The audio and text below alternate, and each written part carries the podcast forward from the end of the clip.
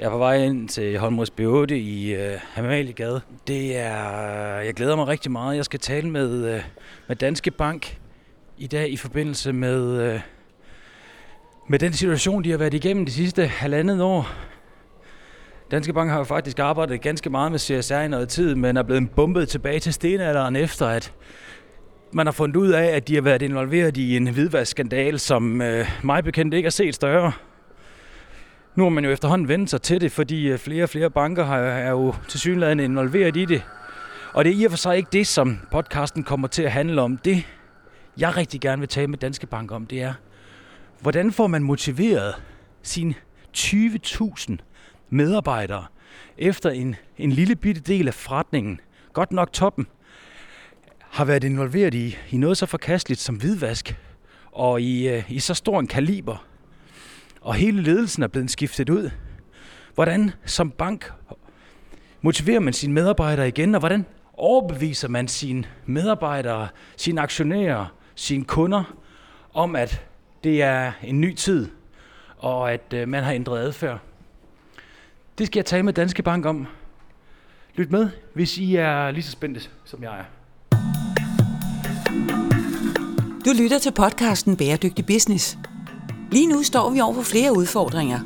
Klimaforandringer, knappe ressourcer og social ulighed. Men i denne podcast lægger vi idealismen på hylden og undersøger, hvilken rolle verdens virksomheder vil spille i omstillingen til et bæredygtigt samfund. Tag med, når CSR-direktør og foredragsholder Steffen Max Hø taler med førende eksperter og undersøger, om der er penge i at tage et socialt og miljømæssigt ansvar. Nå, jeg går herinde i Amaliegade i vores afdeling, øh, som jo ligger det her meget, meget fine sted. Og øh, jeg går jo og venter på, at øh, Janette fra, fra Danske Bank, hun er, er CSR-chef i Danske Bank, øh, at hun kommer, fordi vi skal tale om øh, omkring bæredygtighed i Danske Bank. Og det er jo ikke nogen hemmelighed, at Danske Bank har haft en lidt hård periode. Så den her podcast handler helt basic om, at vi gerne vil finde ud af, hvad er det, som Danske Bank har ruder med i forhold til deres CSR-profil. Hvad er det for nogle områder, de sætter ind på? Hvorfor mener Danske Bank, at det er vigtigt, at en bank har en, en CSR-strategi og en, en CSR-agenda? Og så skal vi tale om, hvorfor er det, hvordan kommer man igen efter en, en hvidvaskskandale af den her kaliber? Altså det er jo mildest talt ikke, øh, ikke nogen nem opgave. Og, øh, og jeg ved da også, at, at Danske Bank helt klart er... Altså det, jeg tror, det her det er et af de første interviews, de har lavet efter den store hvidvaskskandale. Goddag. Hej, Steffen. Jeanette Løstrup.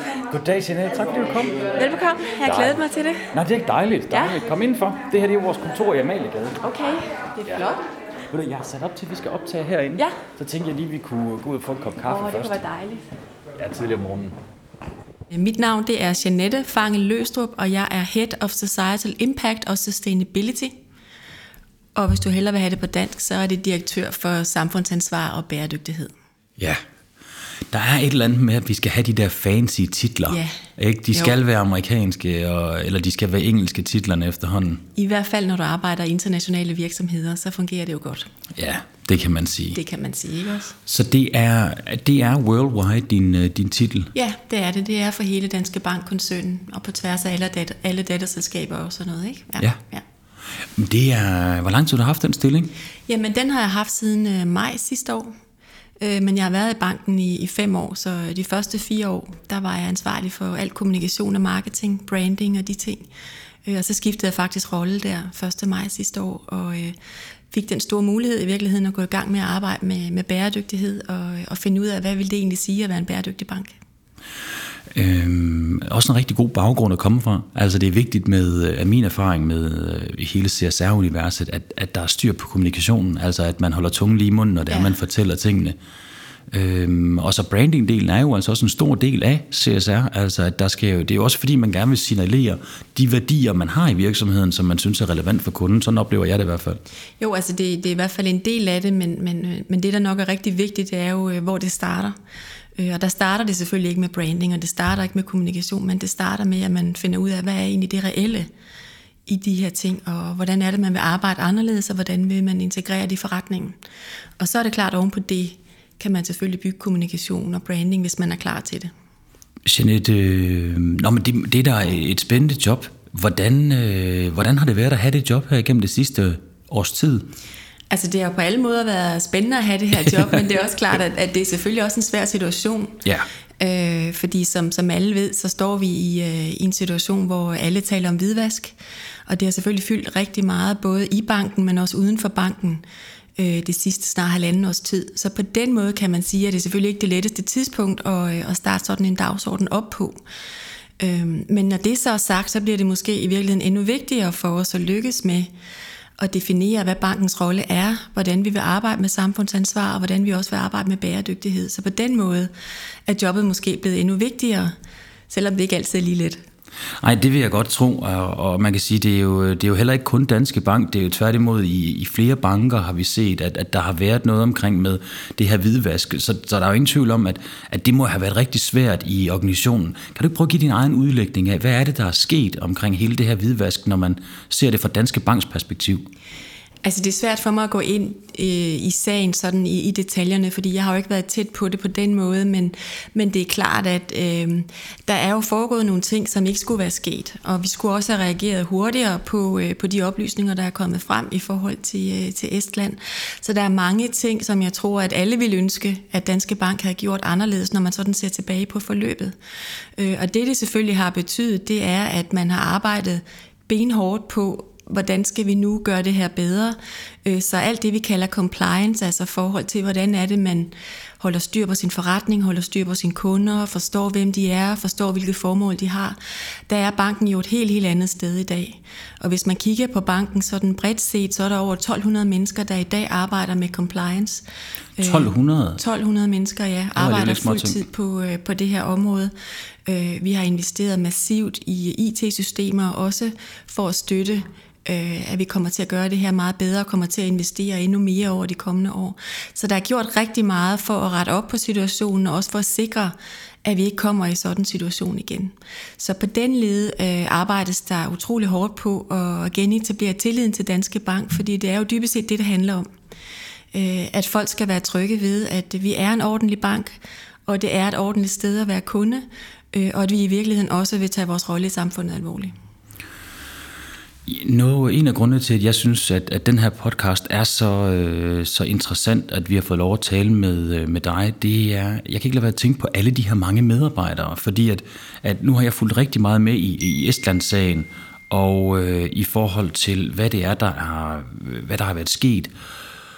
Og jeg kan jo, det er jo tydeligt at se, at det er jo meget få mennesker i en, i en af Danmarks absolut største virksomheder, som har været involveret i det. Og hvad med alle de her medarbejdere, altså som jo helt klart har haft en meget stor stolthed. Der har jo været en, en, en stor stolthed omkring Danske Bank.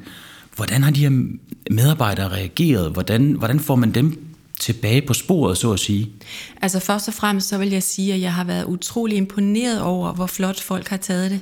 For det er jo klart, at øh, hver eneste medarbejder øh, har jo skulle forklare, hvad går det her ud på? Og det er jo enten, om man taler med kunder, eller man sidder til en familiefrokost, eller er til middag hos nogle venner, så er folk selvfølgelig spurgt, og det betyder, at hver eneste medarbejder har skulle stå op for den her sag, øh, og har også skulle forklare det.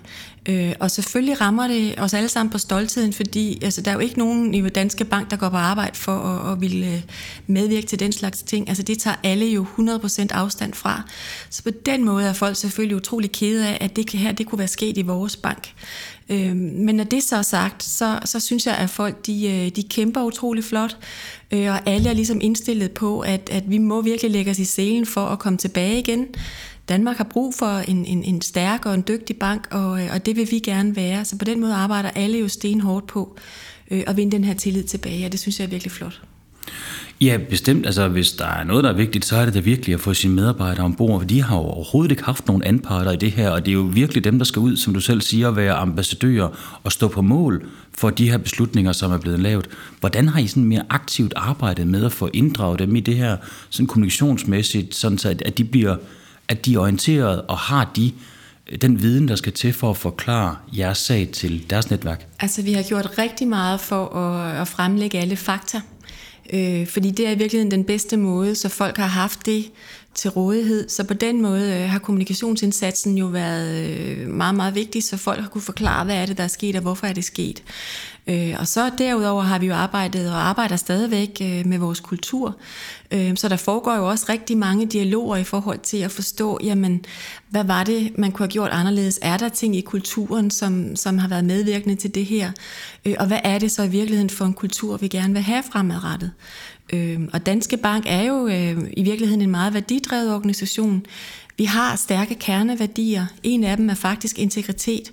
Og det er jo en værdi, som ligger næsten alle medarbejdere utrolig højt på sinde, fordi altså, integritet det er forudsætningen for, at man kan have tillid. Øhm, og derfor så, øh, så prøver vi jo at finde ind til det og sige, jamen, hvad betyder det så, når man skal arbejde med integritet? Hvad er det, vi skal gøre for at kunne leve op til det? Fordi det er dybest set det, det handler om. Ja, tillid og penge er da i hvert fald øh, rigtig godt forbundet. Tror du, nu nævner du selv kultur, og det får mig til at tænke på, kunne du se, at der måske, eller tror du, at der er sket en ændring i den måde, som vi betragter virksomheder på i samfundet lige nu? Fordi øh, fra 10 år tilbage og så til nu, har vi fået en anden opfattelse af, hvad virksomheder de skal i et samfund. Er det nok bare at tjene penge, tænker du? Nej, altså jeg oplever, at der er sket utrolig meget, og specielt måske de sidste to-tre år.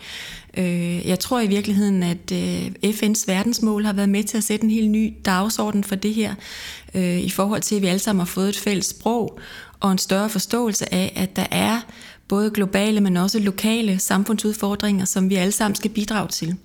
Øh, og det jeg også oplever, det er, at, øh, at der er en større erkendelse af, at man kan ikke kun overlade det her til, til regeringer og til samfundet bredt. Altså virksomheder skal også steppe op og skal spille en rolle i at løse nogle af de her udfordringer, om de så er globale eller lokale.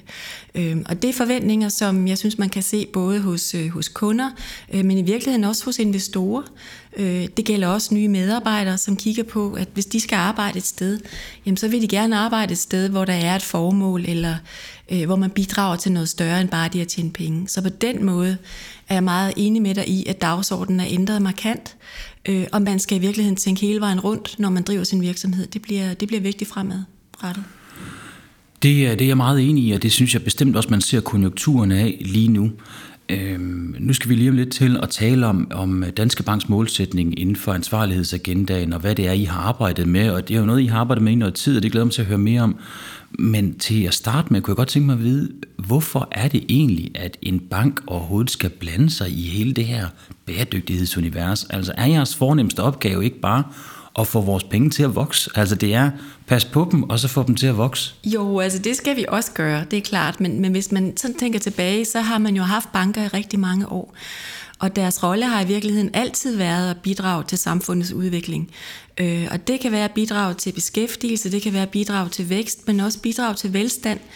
Øh, og de ting skal vi jo stadigvæk blive ved med at gøre. Så er der egentlig kommet den ekstra dimension nu, der hedder bæredygtighed, og det er i virkeligheden at sikre, at, at den vækst, der foregår, at den er bæredygtig. Øh, så på linje med alle andre virksomheder, som har en rolle i at sikre, at, at samfundet bliver bæredygtigt, så har den finansielle sektor også en rolle. Øh, og det skal vi øh, forstå, hvordan vi griber det an, og det skal vi være rigtig aktive på, fordi det, det er en forventning, man med rette kan have til os.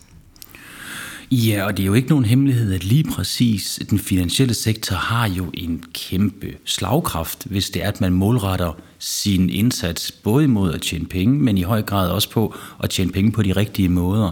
Og når vi nu går ind på det, hvad er det så, jeres øh, 2025-målsætning er inden for ansvarlighedsagendaen? Altså vores øverste ambition handler i virkeligheden om, at vi gerne vil bidrage til en bæredygtig udvikling af de samfund, som vi er en del af. Så det er tilbage til, til dit spørgsmål fra før, altså at det føler vi faktisk, det er vores rolle. Øh, og når, når det så er sagt, så har vi sagt til hinanden, jamen altså, her er det så vigtigt, at bæredygtighed bliver integreret i den forretning, vi driver, så det må ikke være noget, der sådan ligger på siden af det, vi ellers gør. Det skal være en del af, af måden, vi går i markedet på, af måden, vi udvikler vores produkter på. Så det der med at arbejde rigtig meget med ESG, for eksempel, øh, det er rigtig Environment, vigtigt. social governance. Ja, og have de her faktorer tænkt ind i både låneprocesser og investeringsprocesser, det er sådan et, et, et meget, meget vigtigt fundament. Øh, og derudover så har vi sagt, jamen der er jo nogle områder, hvor vi som bank måske kan gøre noget særligt. Øh, og der har vi faktisk udvalgt tre forskellige områder. Øh, det ene er, er klimadagsordenen, hvor vi faktisk kan spille en, en stor rolle, og det kan vi komme tilbage på, hvis, hvis du har ja, lyst. det er spændende at høre mere om. Øhm, et andet område er, at vi gerne vil støtte startup virksomheder, og specielt det, man kan kalde sociale entreprenører. Og det tredje område handler om at, at sikre, at finansiel forståelse, specielt i forhold til børn og unge, at den bliver stærkere. Der kan vi også bidrage med, med viden og kompetencer. Så på den måde har vi sådan sat tre, hvad kan man sige, spor ud, hvor vi gerne vil arbejde i dybden. Og, øh, og jeg kunne faktisk godt tænke mig at dykke lidt ned i alle tre spor. Øh, særligt den her med finansiel forståelse er, er jo noget, jeg synes, der virkelig giver rigtig god mening, at en bank går ind i. Fordi at, at der kommer jo lige nu, vi ser jo i stigende grad, at unge mennesker, de tager forbrugslån og, og virkelig tager nogle, nogle rigtig, rigtig dumme beslutninger, som kan komme til at have konsekvenser i lang tid frem. Og, øh, og så, så det synes jeg, der er et rigtig godt sted at sætte ind. Og så må man jo også sige, det er jo også smart i forhold til, at alle de her små dumme lån, det er jo vel og mærke heller ikke jeres forretning. Øh, så det er jo et fint område ligesom at få lukket ned for den del, for til gengæld at så tage nogle mere fornuftige lån under lidt mere ordnet forhold. Det er da i hvert fald sådan, jeg oplever det.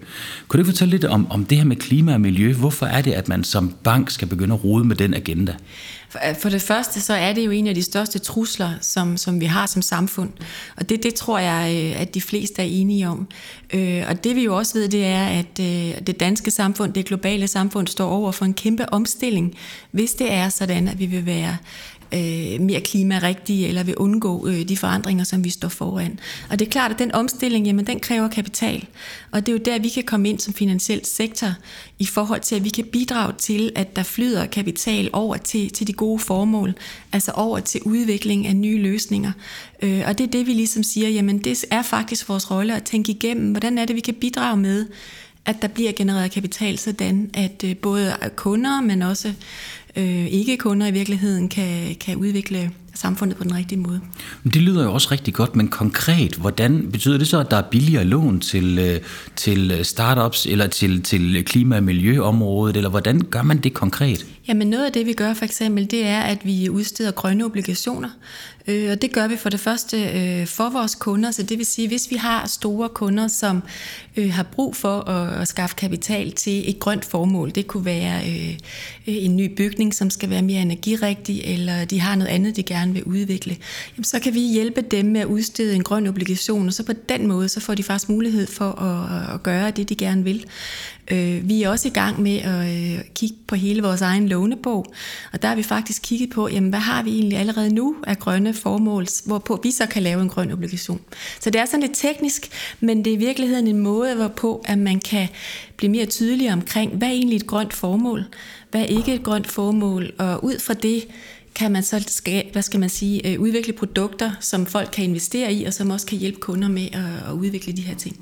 Ja, fordi bare at definere, hvad der er et grønt produkt, er jo faktisk ikke så nemt igen. Nej, det er ikke så nemt. Så det, det er lidt svært. Og det, det har vi haft en, hvad skal man sige, et større sådan udviklingsarbejde i gang, fordi det er jo også rigtig, rigtig vigtigt, at, øh, at der ikke bliver tale om greenwashing her.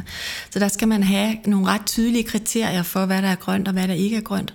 Øh, og det er noget, tror jeg, som hele verden kigger på lige nu, øh, så man bliver mere tydelig på, øh, hvordan man definerer de forskellige ting. Hvad med jeres egne investeringer? Altså som bank, banken har jo også selv nogle investeringer. Hvordan investerer I jeres egen penge, så at sige? Ja, så nogle af dem har vi faktisk selv investeret i, i grønne obligationer, så der har vi selv købt grønne obligationer. Øh, men derudover så kigger vi også på hele, øh, hele investeringsuniverset, øh, dels på egne vegne, men også på vores kunders vegne. Og så, så en anden måde at støtte til, til en grøn omstilling på, er jo også, at, øh, at for eksempel vores kunder kan investere i, øh, i grønne tiltag. Så vi har for eksempel to forskellige fonde, øh, som folk kan vælge at investere deres penge i. En, som handler om klima, så det er klimaløsninger, man investerer i, hvis man vælger den. Øh, og der er også en anden fond, som investerer i, øh, i vand, altså løsninger til at blive ved med at skabe rent vand på kloden. Øh, så det kan man også vælge at gå den vej.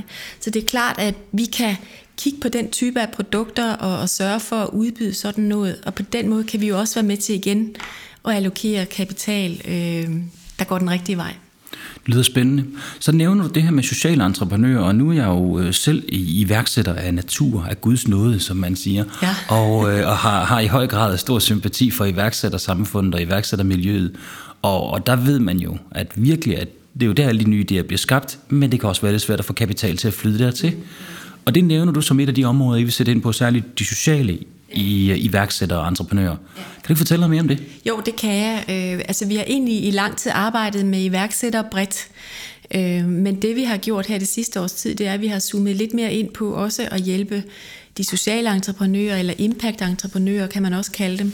Øh, og det, der er spændende ved dem, det er jo, at, øh, at de har en, en samfundsudfordring sådan i hjertet af deres forretningsmodel. Øh, og det vil sige, at, at hvis de lykkes med deres forretning, jamen, så har vi jo også indirekte bidraget til udvikling af, af en løsning til, til samfundet. Øh, et, en rigtig, et rigtig godt eksempel på sådan en virksomhed, det er jo Too Good To Go, som jo på alle måder vil minimere madspild. Og det er, jo, det er jo sådan nogle virksomheder, som vi skal have flere af, fordi på den måde så får vi innoveret, og vi kommer frem til, øh, til nye løsninger på de problemer, som, som der er i verden og i samfundet. Og der siger vi, jamen vi kan godt se, at den her type virksomheder, jamen mange af dem er jo små selvfølgelig, når de starter op, så de har både brug for, for kompetencer, øh, de har også brug for at øh, måske at lære, hvordan udvikler de forretningsplaner, hvordan går de i markedet, øh, hvordan bliver de skarpe på deres produkter, øh, og ja, de har også brug for kapital. Og derfor så har vi øh, sat forskellige tiltag i søen for at hjælpe de her. Øh, et af dem, det er, at, øh, at vi har udviklet et, et acceleratorprogram, øh, og lige nu har der været ni igennem det første den første, det, det, det første modul, øh, og hvor de så har været igennem faktisk i 10 uger for ligesom at blive klogere på deres forretning. Så det er en måde at gøre det på et acceleratorprogram, altså det vil sige, det er en slags uddannelse til de her sociale iværksættere, hvor de bliver klædt på i forhold til de ting, som de måske ikke har styr ja. på i forhold til for at, at drive forretning. Lige præcis, og det, det er en form for uddannelse, og hvor de dels kan hjælpe hinanden, men hvor der også er forskellige mentorer og undervisere på, øh, og der lærer de altså om, altså, hvordan bliver de rigtig skarpe på deres værdiproportion eller deres produkt for eksempel øh, eller hvordan laver de en ordentlig marketingplan, eller hvordan laver de en god pitch, øh, hvis de skal ud og pitche for investorer. Så det er sådan en, en redskabskasse, de i virkeligheden får med sig, øh, og som de også har brug for, og som de måske ikke har mulighed for selv at øve sig på, fordi de er jo små, sårbare til at starte på, og, og de har nok at tænke på i virkeligheden. Og det synes jeg jo er meget sympatisk, og, og jeg kan egentlig også godt se, at det, giver, at det giver mening, og jeg tror egentlig også mange sociale iværksættere vil synes, at det var en god hjælp at få. Jeres aktionærer var jo samlet her for, for meget kort tid siden, og er de enige i, at, at det her det er en god strategi? Fordi hvis man skærer ind til benet, så er det en god forretning at hjælpe sociale iværksættere på benene. Altså jeg mener, jeres job er vel at generere et afkast, jo, det er det, men, men man bliver jo også i højere og højere grad målt på flere bundlinjer. Så på den måde kan man sige, øh, så, så kan afkast jo ikke stå alene. Og der er det altså også utrolig vigtigt, at man gør andre ting, som er, som er samfundet til gavn. Så på den måde er jeg sikker på, at, øh, at vores aktionærer de vil, de vil støtte den her strategi. Og derudover kan man sige, jamen hvis vi hjælper øh, iværksættere med at blive en succes, så har vi selvfølgelig også et håb om, at de en dag bliver kunder hos os. Så på den måde, så tror jeg som mænd, at, øh, at på, det lange, på den lange bane kan det sagtens ende med at blive en god forretning. Øh, og øh, på den måde kan det sagtens gå hånd i hånd, det er jeg sikker på. Det er meget sjovt, for før nu stillede jeg sådan et kritisk spørgsmål, for det har jeg jo lært af at lytte p en gang imellem. Og, men, men det er fordi, at egentlig så prøvede jeg faktisk bare at stille den der fordom op, der er omkring, ja. at, at sociale iværksættere, at det ikke bliver en god forretning. Ja. Og det kan de jo nemlig godt blive, og du nævner jo også selv Too Good To, to Go som ja. et godt eksempel omkring det, ikke, som arbejder målrettet med madspil og har lavet en meget, meget fin forretning ud af det. Så, øh, så nævner du det her med, med finansiel forståelse. Og, øh, og, og det synes jeg kunne være spændende, hvis du kunne uddybe det lidt. Hvorfor er det, I arbejder med finansiel forståelse? Det er noget, vi har arbejdet med i mange år, og, øh, og det kommer sig jo egentlig af, at, at vi tror på, at hvis man får uddannet børn og unge omkring finansiel forståelse, altså hvis de bliver klogere på, hvordan man driver en fornuftig øh, privatøkonomi, jamen så kommer de ikke uføre senere hen. Så det er egentlig det, der er, der er grund til, at vi gør det. Øh, og det, der også er lidt spændende nu, men også er svært i virkeligheden, det er jo, at, øh, at øh, området flytter sig, fordi alting bliver mere og mere digitalt. Så hvor måske du, hvis du er lige så gammel som jeg, det er du nok ikke, Nej, det er men øh, der er mange, der godt kan huske øh, den gode gamle sparegris Pondus for eksempel. Øh, det, var jo, det var jo en god måde at øh, forholde sig til, til penge på, og opsparing og lommepenge, fordi man sådan fysisk kunne kunne spare penge op, og ens lommepenge var jo også fysisk, i hvert fald da jeg var barn. Så er det klart, at i dag, så har man ikke kontanter på sig, forældrene har ikke kontanter på sig, så hele det her med at, at tale omkring lommepenge, og øh, altså hvad er penge egentlig for noget, det koncept, det, det flyder, og det er rigtig svært for familierne, og svært, også svært for børnene at forholde sig til. Så det vi gerne vil nu, det er i virkeligheden at, øh, at udvikle nye måder, hvorpå familierne kan have de her dialoger, øh, så man ikke mister dialogen til trods for, at pengene er blevet mere digitale. Det kræver bare, at vi, øh, at vi finder en ny måde at gøre det på. Øh, og en af de ting, vi har gjort for eksempel, det er, at vi har udviklet sådan en, en lommepenge-app. Øhm, fordi igen, altså børn skal stadigvæk have lommepenge, de skal stadigvæk have følelsen af, at, øh, at de har lidt penge på bogen, og de skal kunne følge, hvor meget de bruger, og hvad de bruger dem på. Øhm, og der er det vigtigt ligesom at følge børnene ind i den digitale tidsalder, og så finde på nye løsninger. Så, så det bliver rigtig spændende, og vi vil lave mange ting øh, på den her agenda. Det er, det er virkelig en agenda, jeg synes, der er, er væsentlig at tage fat i, fordi at, at øh, jeg tror, vi alle sammen kan, kan huske, at man har på et tidspunkt været ung, og der kan man øh, tage nogle knap så velovervejede beslutninger. Man kan også tage nogle rigtig gode beslutninger, men man kan også tage nogle meget, meget lidt velovervejede beslutninger. Og hvis det er økonomisk ikke velovervejede beslutninger, så er det virkelig noget, der kan hjemsøge dig i rigtig, rigtig ja, lang tid. Det. Ja. Og jeg tror, der er en god pointe i det her med, at penge er blevet digitale. Det er lidt noget andet end, end, øh, end det her bankbog, man gik ned med i gamle dage, hvor man skulle ned, og man skulle hente penge til en weekend, fordi at man havde ikke et, et kreditkort, når det var, man skulle ud og lave et eller andet. Man skulle simpelthen sørge for at have penge nok til hele weekenden. Det var sådan lidt en anden, et andet ja. forhold, man havde til tingene. Så det giver god mening at sætte ind der. Er der en bestemt øh, målgruppe, I tænker på, når I vil arbejde altså, med det her? Det, øh, det er i virkeligheden helt ned til de, øh, til de små børn, altså i, i folkeskolen. Øh, så, så, og så vil vi øh, fortsætte helt op også til, til unge mennesker. Ikke også? Og for at ligesom øh, gøre det her rigtigt, så skal vi måske i højere grad også tænke på hele familien. Fordi den, den vigtige dialog omkring øh, penge, opsparing og sådan noget foregår jo ofte derhjemme. Øh, og det vi kan se på, øh, på nogle af vores undersøgelser, det er, at for mange forældre, der er det stadigvæk en rigtig vigtig værdi, at, at når de sender deres børn videre i tilværelsen, når de flytter hjemmefra, øh, at så skal de være i stand til at klare sig selv, også finansielt. De skal være i stand til at øh, altså have gode værdier omkring det her. Øh, men mange af forældrene, de mangler redskaberne til det. De ved ikke rigtigt, hvordan de skal i talesætte det. Øh, så derfor tror vi egentlig, at vi skal ramme børnene, men vi skal også ramme forældrene øh, og finde nogle måder, hvorpå at, øh, at det kan gøres på en, på en rigtig klog måde. Ja, og så derudover i virkeligheden øh, vil vi også gerne ud og undervise i folkeskolerne. Altså sidste uge, der, og det er ikke bare noget, vi gjorde i Danske Bank, men, øh, men der var hele branchen jo ude og undervise på, på rigtig mange folkeskoler. Så det er også en måde, hvorpå at, at branchen kan hjælpe, altså stille folk til rådighed, som simpelthen stiller sig op ude i skoleklasserne og forklare om det her. Så, øh, så der er også sådan en, en, en måde at gøre det på.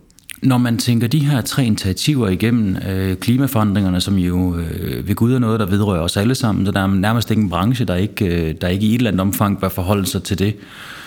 Og sociale iværksættere, sociale entreprenører, og når man tænker finansiel forståelse, at det budskab, som, som I skal til at ud med her, er jo også noget, I har arbejdet med i noget tid. Men man kan da vist roligt sige, at det er blevet bumpet tilbage til stenalderen på grund af Estland-sagen. Hvad gør man sådan rent forretningsmæssigt, at, at der sidder en lille del i ens organisation, godt nok toppen af organisationen, der har taget nogle beslutninger på et tidspunkt, men der sidder en hel organisation nedenunder, der skal arbejde med de her ting, og der har arbejdet målrettet med det. Hvordan kommer man videre herfra? Først og fremmest så, øh, så handler det om at holde fast i dagsordenen. Øh, fordi det er klart, at, at når vi kommer ud med, med nye ting, så vil der være mange, der siger, jamen hvorfor gør I det lige nu? Øh, og skulle I nu ikke have 100% fokus på at, at rydde op efter Estland-sagen? Øh, og der, der er det jo vigtigt at få sagt, jamen det har vi 100% fokus på, så der bliver jo gjort alt, hvad vi overhovedet kan, for at, at, at det ikke vil kunne ske igen. Men samtidig med det, så er det også vigtigt at få sagt, at der er jo nye forventninger til alle typer af virksomheder, og også til vores virksomhed. Øh, så hvis vi ikke arbejder, arbejder videre med det her, så vil det jo også være forkert. Fordi så vil man jo med rette kunne sige til os, om et, to år, jamen hvorfor bidrager I ikke til samfundets udvikling? Øh, så derfor så, øh, så er det min overbevisning, at vi skal holde fast i at arbejde med de her ting, øh, uanset hvad i virkeligheden, og så stille og roligt komme ud med, med nye tiltag, øh, og så forsøge at forklare, hvorfor vi gør det, øh, men vi er nødt til at holde fast i at gøre det, uanset at, at det kan være en svær kontekst at kommunikere i lige nu. Jeg tror, at man med, med sikkerhed kan sige, at, at øh, folk vil nok kigge meget nøje efter, hvad det er for nogle ting, I gør inden for hele CSR-området. Hvad har I tænkt på i forhold til dokumentation af de her ting, som du fortæller om her? Du nævner selv ESG, men, øh, men det her med dokumentation inden for CSR er jo, eller ESG, er jo, øh, er jo lidt tricky. Hvordan, øh, hvad er jeres holdning til det? Jeg tror, det er rigtig vigtigt at arbejde med dokumentation. Jeg tror, det er rigtig vigtigt at arbejde med transparens.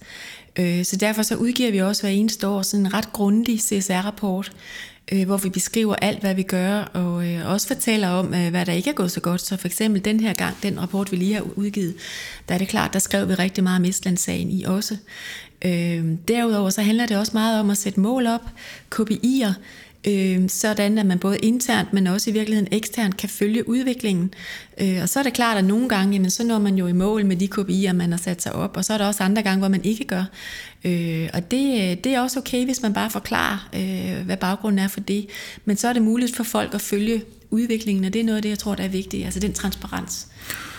Det tror jeg, du har fuldstændig ret i. Transparens må være øh, et nøglebegreb lige nu i den finansielle sektor, fordi at der har været eller fordi der er så meget mistillid, ikke kun til Danske Bank, men generelt til den finansielle sektor lige nu.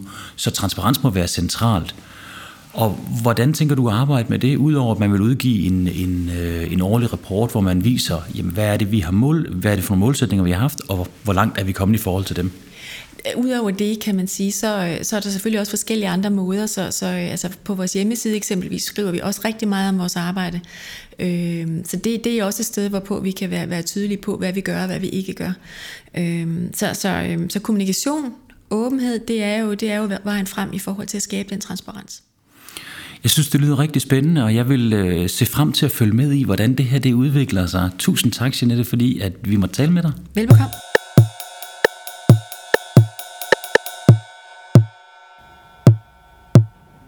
Så har jeg talt med Jeanette fra Danske Bank. Jeg sidder nede i min bil, hvor man optager glimrende lyd.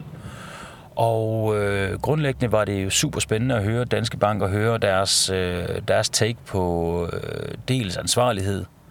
Grunden til det er måske er særlig interessant at høre om er jo, fordi den der elefant i rummet er en gigantisk hvidvaskningsskandale, som der har været. Og der er der blevet ryddet godt ud, altså hovederne er rullet i toppen øh, fra bestyrelsesformand Ole Andersen til øh, administrerende direktør Thomas Borgen. Man kan roligt sige, at, der er, at, der er, at de er i gang med at gøre noget for at råde bod på det. De har vidderligt også været igennem en, altså en krise, øh, som ikke øh, har set øh, lige i dansk, Danske Banks øh, historie. Altså deres aktiekurserne er halveret. Det er godt nok mange penge, aktionærerne de har tabt. De tjener stadig penge. De lavede 18 milliarder kroner i, øh, i år. Men kigger man på banker og ansvarlighed, så er det virkelig svært at komme udenom og få lavet de ændringer i samfundet, der skal til, uden at den finansielle sektor er med. De sidder på alt økonomien. Så måske kan det være, at der kommer en åbning nu, hvor det er, at sociale entreprenører de øh, har lettere ved at få noget kapital og udvikle nogle fede, innovative løsninger, som de kan tjene penge på, samtidig med, at de hjælper nogle andre. De har hjulpet ni virksomheder indtil videre, og det er jo ikke prangende mange, men jeg ved, at deres målsætning er at nå flere tusind. Og det er måske et sted at starte. Tusind tak, fordi I lyttede til Bæredygtig Business. Jeg håber, I synes om episoden. Mit navn er Steffen Marksø. Jeg håber, vi lyttes ved.